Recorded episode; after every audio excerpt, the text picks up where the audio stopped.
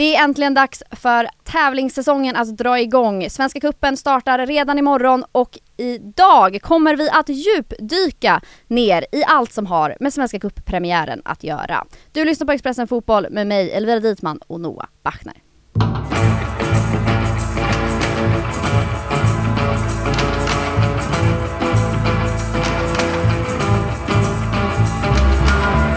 Noah? Ja. Vad är din liksom, initiala känsla av att det är bara en dag kvar? Snart Att- ska det börja. Att vad himla bra det är att kuppen spelas så här som den gör. Alltså att det, att det är så bra att den var man gjorde så att den började spelas på hösten men framförallt att vi har det här gruppspelet på våren. Därför att det är en lång försäsong annars och vid det här laget så har man ju sett de här träningsmatcherna där det är helt omöjligt att förstå om man ska dra slutsatser av det som händer eller inte. Det känns som att man egentligen bara kan förlora. Ingen tar eh, segrarna eller de bra prestationerna på riktigt stort allvar. Men väldigt mycket supportrar stressar upp sig över dåliga insatser. Så att det här är mycket mer bättre värdemätare på något sätt. Mm. Jag tänker för enkelhetens skull så, går vi, så betar vi av liksom grupperna för sig Mm. och sen kanske vi gör någon typ av tippning mot slutet. Bra. Om vi börjar med grupp A då. Luleå, Malmö FF, Varberg, Öster.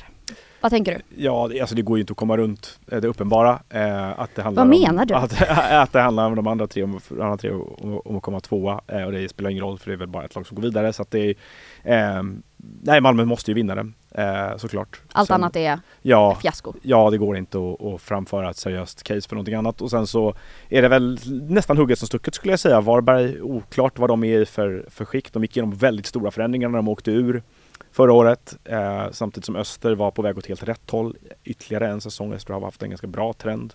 Eh, tycker jag känns som att de gör mycket bra saker. Så att eh, de, de är på väg liksom lite framåt. Varberg, oklart vad vi har dem. Malmö från, från fjolåret, inga stora förändringar egentligen. De har ju tagit in spelare som förbättrar laget såklart. Eh, men, där Men det är inga stora, har inte varit några stora tapp? Eller? Eh, nej, inte under vintern. Eh, utan de har ju varit, hållit det hela väldigt intakt. Eh, rustar väl i lugn och ro för eh, en push för Champions League igen i sommar. Eh, samtidigt så ska man komma ihåg att det var ett lag som var väldigt nära att inte vinna SM-guld förra året. Så att eh, förbättringspotential fanns det såklart, tycker jag. Även om de vann till slut. Mm. Om vi går vidare till grupp B. Degerfors, Elfsborg, Gais, Örgryte. Och där är ju Elfsborg såklart då den stora favoriten. Är det kul för de andra lagen tror du att spela i såna här grupper där det är så här, ja det är klart att det kan gå, allt kan Mm. hända i fotboll men det är inte så troligt. Ja, men just, just den här tiden på säsongen är ju sådär att även de bra lagen kanske inte har fått ihop det riktigt. Mm. Eh, Man, man kan komma ihåg liksom att det är hur många år i rad som helst som till exempel Häcken har gjort kanonresultat i Svenska Cupen på våren Mm. och sen inte alls varit lika bra i Allsvenskan. Eller fjolåret så hade vi ju då att Hammarby släppte lös massa tonåringar längst fram i planen. Montader Majed och Josef Erabi som sen inte var ordinarie när Allsvenskan började. Så att det är liksom en prövotid också. Mm. Så det är inte alls lika hugget i sten som om man ska utmana Elfsborg över 30 matcher. För guys här till exempel så räcker det med att rå på dem i en match och det är klart de kan göra det. Så det, nej, det, här är, det här är en lite mer öppen grupp tycker jag. Elfsborg har förlorat mycket spelare i vinter, behöver bygga om. Jag tror de kommer bli bra i år också. Men de är inte Det kommer ta lika, tid. de är inte lika färdiga och, och konstanta som från fjolåret som Malmö har varit till exempel. Vad vet vi ungefär vad vi har. Eh, Elfsborg är lite mer sådär att det är en del nya beståndsdelar som ska in i laget. Så att guys, mycket framåtanda eh, överlag. Sen så, du, Örgryte som du nämnde också där, det är eh, en, en krisklubb som verkligen behöver visa att de har vänt på steken till i år. Mm. Grupp C. Brommapojkarna, Häcken, Boys, Varberg? Mm. Boys, nej Landskrona är det. Landskrona Boys, såklart. Eh, och Östersund. Eh, ja, här är ju självklart Häcken stor favorit också. Stora förändringar i Häcken också. Inte bara då, eh, den uppmärksammade försäljningen har ju varit den av eh, Momodo Sonko, men eh, Samuel Gustafsson försvann till, med Högmo, tränaren, till Japan. Så att de har en ny tränare på plats i Häcken. Det som har varit en framgångsrik period för dem under Högmo har varit korrelerat med Högmo. Nu blir det lite upp till bevis. Är det så att de har en helt fungerande arbetsmodell i hela klubben som kan tas vidare av Paco då, som har kommit in här istället. Eller hängde det väldigt mycket ihop med, med Högmo och hans ledarstab. Man ska komma ihåg att Martin Foyston som var Högmos assistent också lämnade för just Öster som vi just pratade om. Så att, eh, Häcken också lite sådär att eh, behöver de få ihop bitarna här nu i början och där kan det finnas utrymme att utmana dem tror jag. Landskrona är också en klubb som har haft en långsiktigt bra trend. Mm. Är det Landskrona som du ser som den, eh, den liksom främsta utmanaren? Nej, men som lite som ett, en potentiell överraskning kanske. Grupp D, vi river av det här i vilken fart? Jag flygande fart höll jag på att säga men så säger man inte. Eh, grupp D, Djurgården, IFK Göteborg, United, Nordic, Skövde, AIK. Eh, ja, här är det ju Djurgården och IFK Göteborg, det här är kanske det jämnaste matchningen. Det känns väldigt spännande där. Ja, eh, och det är inte för att Blåvitt också, Djurgården har varit ett topplag i många år nu och det har ju absolut inte Blåvitt varit. Så att, Mm. eh, men, men däremot känner man att det finns en viss oro runt Djurgården. Och Mm. det har ju varit ett Eh, Eh, inte på ytan ser det inte ut så, men du pratar om ett lag här som då slutade på fjärde plats i tabellen förra året som alltså kommit topp fem och vunnit Allsvenskan en gång de senaste fem åren. De har haft samma tränarpar i deras sjätte säsong. Eh, de sålde en spelare för uppemot 200 miljoner kronor precis. Eh, flera spelare som har varit landslagsmän. Det är mycket som ser bra ut, men det, det, det gror en oro runt Djurgården. Mm. Eh, lite Var kommer den ifrån? Nej, det handlar nog om det- det långsiktiga arbetet med var man är på väg och man ser också att det finns en tydlig arbetsmetodik i klubbar som kommer utmana dem över tid där man börjar skaffa sig ganska mycket pengar, inte minst på spelarförsäljningar. Eh, jag tror att man sneglar en hel del mot arbetet som sker i Hammarby. Jag tror att man tittar på eh, Häcken och Elfsborg som också har tagit stora kliv. Eh, och att Djurgården har ganska mycket kapital från spelarförsäljningar, från Europaspel. Men att man undrar lite hur man får det kapitalet att arbeta. Sen var det också någonting som inte stämde i spelarnas gruppdynamik under fjolåret som orsakade ganska mycket problem och det har ju eh, Bosse Andersson varit inne på mycket under vintern. Så att för Djurgården finns det liksom någon, någon är av någonting inte jätteharmoniskt som Mm. de behöver bli av med för att det här ska bli en bra säsong tror jag. Eh, och det gör att i det här skedet då när de har dessutom gått på en del plumpar under försäsongen och haft svårt med spelet. Dessutom har en del nyförvärv kvar att sätta för att känna sig färdiga med laget. Blåvitt då som, ja men det kanske känns efter deras höst för nu, räddade de ju sig från kvalspel i 92 minuten eh, borta mot eh, Varberg var det va, i, i sista Mm. matchen förra året. Så det slutade ju i någon sorts skräckblandad eh, moll där, men då. Men nog var känslan under stora delar av hösten för Blåvitt att de hade lyckats träffa rätt på någonting. Man har gjort lite andra typer av profil på värvningarna. Man lyckades ganska bra i förra sommarfönstret. Det finns en liten, någon sorts uppslutning kring det som har hänt sen bland annat Ola Larsson kom in tror jag. Även om det finns ett brett ifrågasättande av styrelsens arbete. Blåvitt liksom är ändå en lite lurig fas. Eh, Djurgården känns som att det är mer liksom negativ oro eh, kring saker och ting. Att, att det är inte alls säkert att det blir en enkel match för Djurgården att städa av Blåvitt här. Nej, va- har, du var inne lite på det på, med Bosse Andersson har pratat om, ja men just det här, eh, men kanske mer det mentala kring Ja. Djurgården. Vet vi vad de har gjort för att försöka liksom kurva det här, att de vänder den här steken liksom? Hans, hans egna förklaringar, jag intervjuade honom för några veckor sedan Mm. här också, det är ju att, att antingen när man är i ett sånt här läge så byter man antingen tränare eller spelare. Mm. Och de behövde rotation i truppen på spelare som behövde lämna helt enkelt. Mm. Alltså som, jag tror att en sån som Hampus Sundell ville ju bli proffs väldigt länge. Eh, det fanns liksom problem med något fokus där, att man valde att lägga skuld på andra, till exempel tränarna eller andra faktorer när det inte gick bra istället för att gå till sig själv. Spelare som inte fick spela blev besvikna och tyckte att ledarskapet var dåligt istället för att försöka prestera bättre och ta sig tillbaka in i elvan. Sen så har han varit självkritisk också. Alltså Djurgården har ju med de här medlen de har skaffat sig misslyckats med investeringarna både förra vintern och förra sommaren egentligen. Nu har de ju både värvat och sålt väldigt många av de spelarna som har kommit in senaste året har ju, har ju stuckit igen. Wilmer Odefalk som gick tillbaka till Roma-pojkarna, Ram- Rami Kaib som är på väg till Elfsborg nu, eh, Jakob Bergström försvann, Oliver Berg. Eh, Oliver Berg köptes och såldes. Eh, frågan är om det finns en framtid för en spelare som Moussa Gurbanli, eh, Felix Va. Det, det, har inte liksom, det har inte funkat. Ombygget har verkligen misslyckats för dem. Så att eh, de sista pusselbitarna som ska in i det här laget nu, de behöver ju sitta. Och framförallt så de värvningarna som redan har kommit. Eh, Dennis Hymmet, Samuel eh, Holm, Albin och Ekdal. Albin Ekdal eh, och Miro Tenjo som mittbacken som har kommit från, från finska ligan också. De behöver ju vara, eh, fungera helt enkelt och fungera med Kim Bergstrand och Thomas Lagerlöf. Blir det annars de som eh, ryker i nästa fönster så? Eh, alltså jag tror att gör man en, en, en ytterligare trupprotation nu och det fortfarande pyr om, om, om stämningen i laget så kommer det bli förändringar i Djurgården. Frågan är ja, om, om, de, om det faller på dem då eller om det börjar etableras lite tryck mot en person som har gjort enorma insatser för Djurgården. Bosse Andersson som jag, man kan väl uppfatta nu att det finns liksom för första gången sedan han kom tillbaka ett litet ifrågasättande av honom nästan.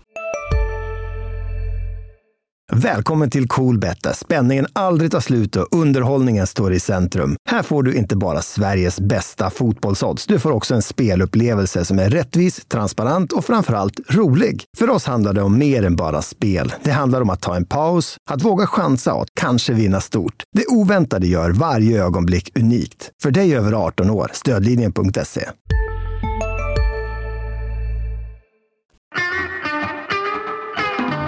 vi går till grupp E då. Halmstad, Helsingborg, Trelleborg, Värnamo. Ja, eh, svår grupp tycker jag. Mm. Eh, där Värnamo var det bästa laget av de här under fjolåret såklart. Men precis som vi har varit inne på i flera andra fall här, jätt, skett jättestora förändringar i Värnamo. Bra spelare har lämnat, ny tränare in. Eh, hur har de lyckats bygga om den här gången? De gjorde ju en, en mirakulöst bra ombyggnation tycker jag från att de kom upp i Allsvenskan när eh, Robin Asterhed lämnade eh, och, och, Kim Hellberg tog över. Så att det, någonting uppenbarligen har ju funkat i den sportsliga ledningen här och där är ju fortfarande Enes Ahmetovic kvar så att de, de har ju ett track record av att lyckas med omställningarna. Nu är det Anders Ravac som är inne istället och det kan säkert bli bra men det är väldigt svårt att veta på förhand.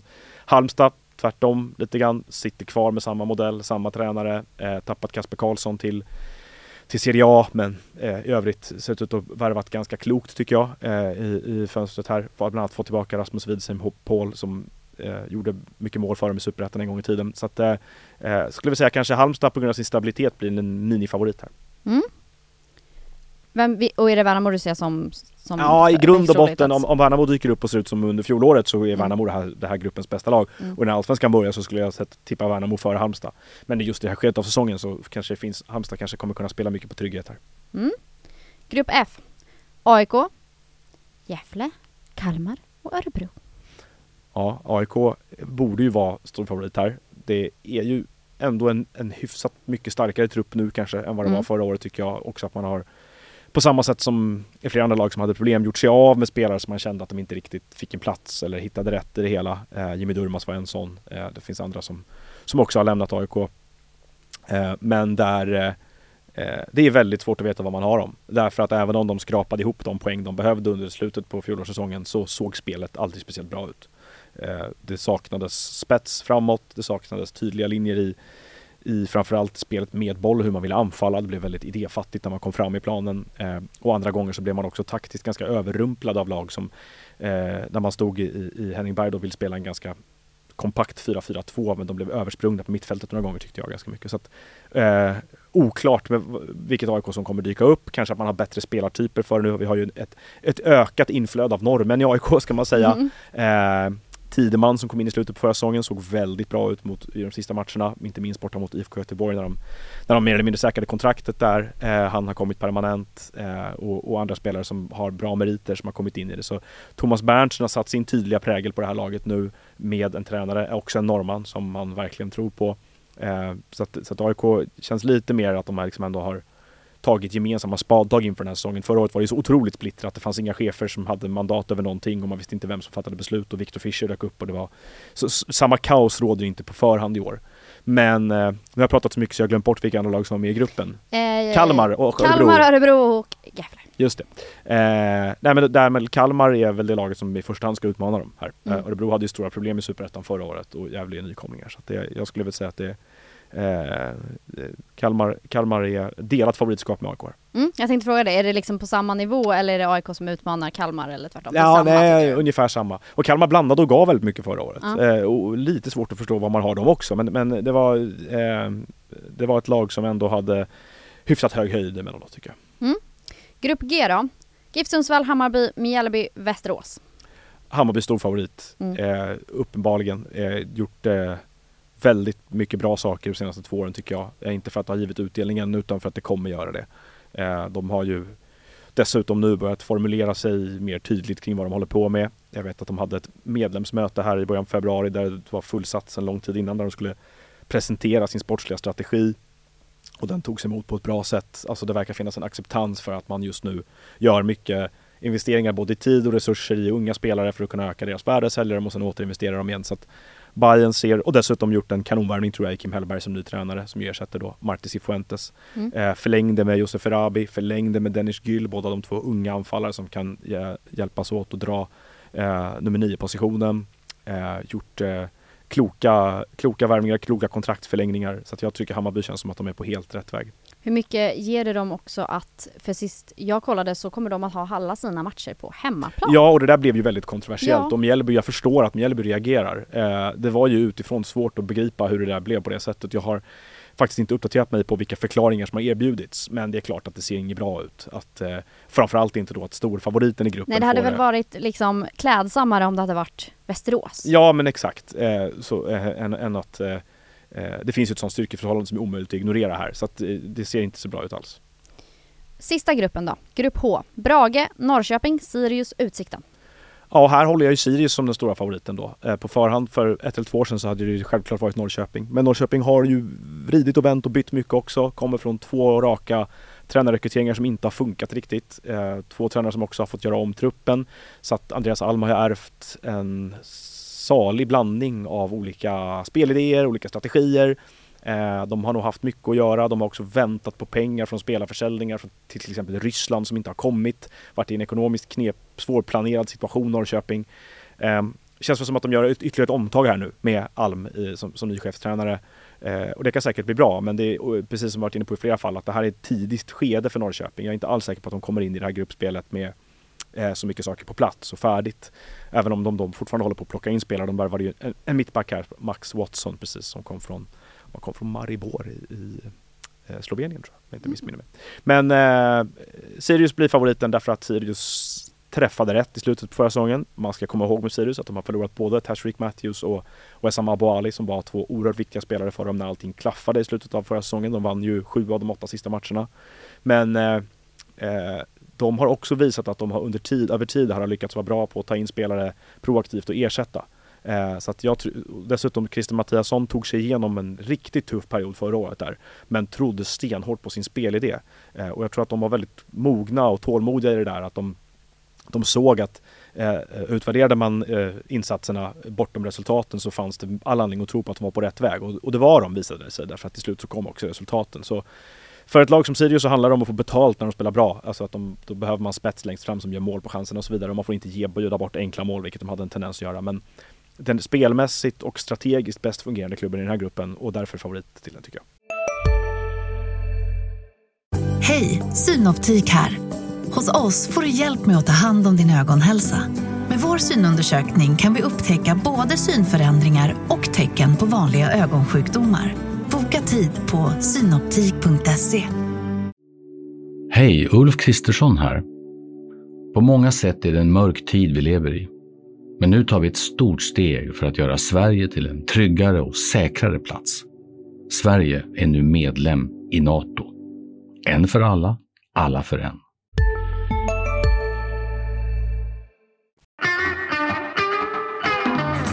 Och nu ska du få sätta på dig din spåhatt ja. eller, och kolla in i din spåkula. Ja. Båda de grejerna ja. just nu. Eh, vilka står som segrare för Svenska Cupen i år? Jag tror ju att eh, eh, jag kommer säga ett av tre lag mm. eh, och då tror jag att det är Malmö, eh, Häcken eller Hammarby som vinner. Mm. Om du, om du ska sätta en liten ja, då, asterisk kring någon av dem? Ja, men då blir det Hammarby. Därför, och anledningen till det är nog att, att eh, rent logiskt och rationellt är Malmö såklart favorit. Mm. Eh, men jag tror Bayern kommer komma in i den här säsongen med jävla fart under fötterna. Mm. Eh, det känns som att de har mycket medvind i alla delar i föreningen egentligen just nu. Det finns inte så mycket liksom som skaver, inte så mycket frågetecken utan det finns, jag upplever att det finns en ganska bred förståelse för vad de håller på med. De har kommit en bra bit på vägen med det och sen så kommer det också få effekt av den här nya tränarkonstellationen som har tagit över. Och det brukar ge någon sorts skjuts i början ibland, att de, de eh, kommer in med hög fart. Och så har de fått en fördelaktig lottning mm. eh, till råga på allt. Så att, eh, nej, jag tror på Hammarby. Och om du ser till liksom de olika lagen i förhållande till deras ordinarie kapacitet, ja. vilka är, kommer vara det största fiaskot? Eh, jag tror det finns stor skäl, stor, stort skäl till oro för, jag tror att Norrköping och Djurgården kommer behöva liksom jobba hårt för att komma in i, i säsongen med mycket fart. Eh, baserat bara på stämningen runt Djurgården egentligen som mm. jag var inne på tidigare. Och i Norrköpings fall att jag tycker att Andreas Alm har en tuff uppgift framför sig. Mm.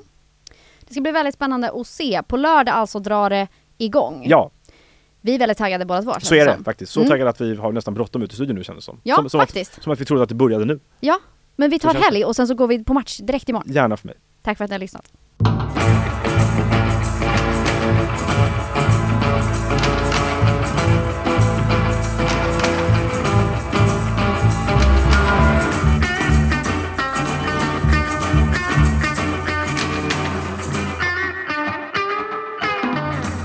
Du har lyssnat på en podd från Expressen. Ansvarig utgivare är Klas Granström.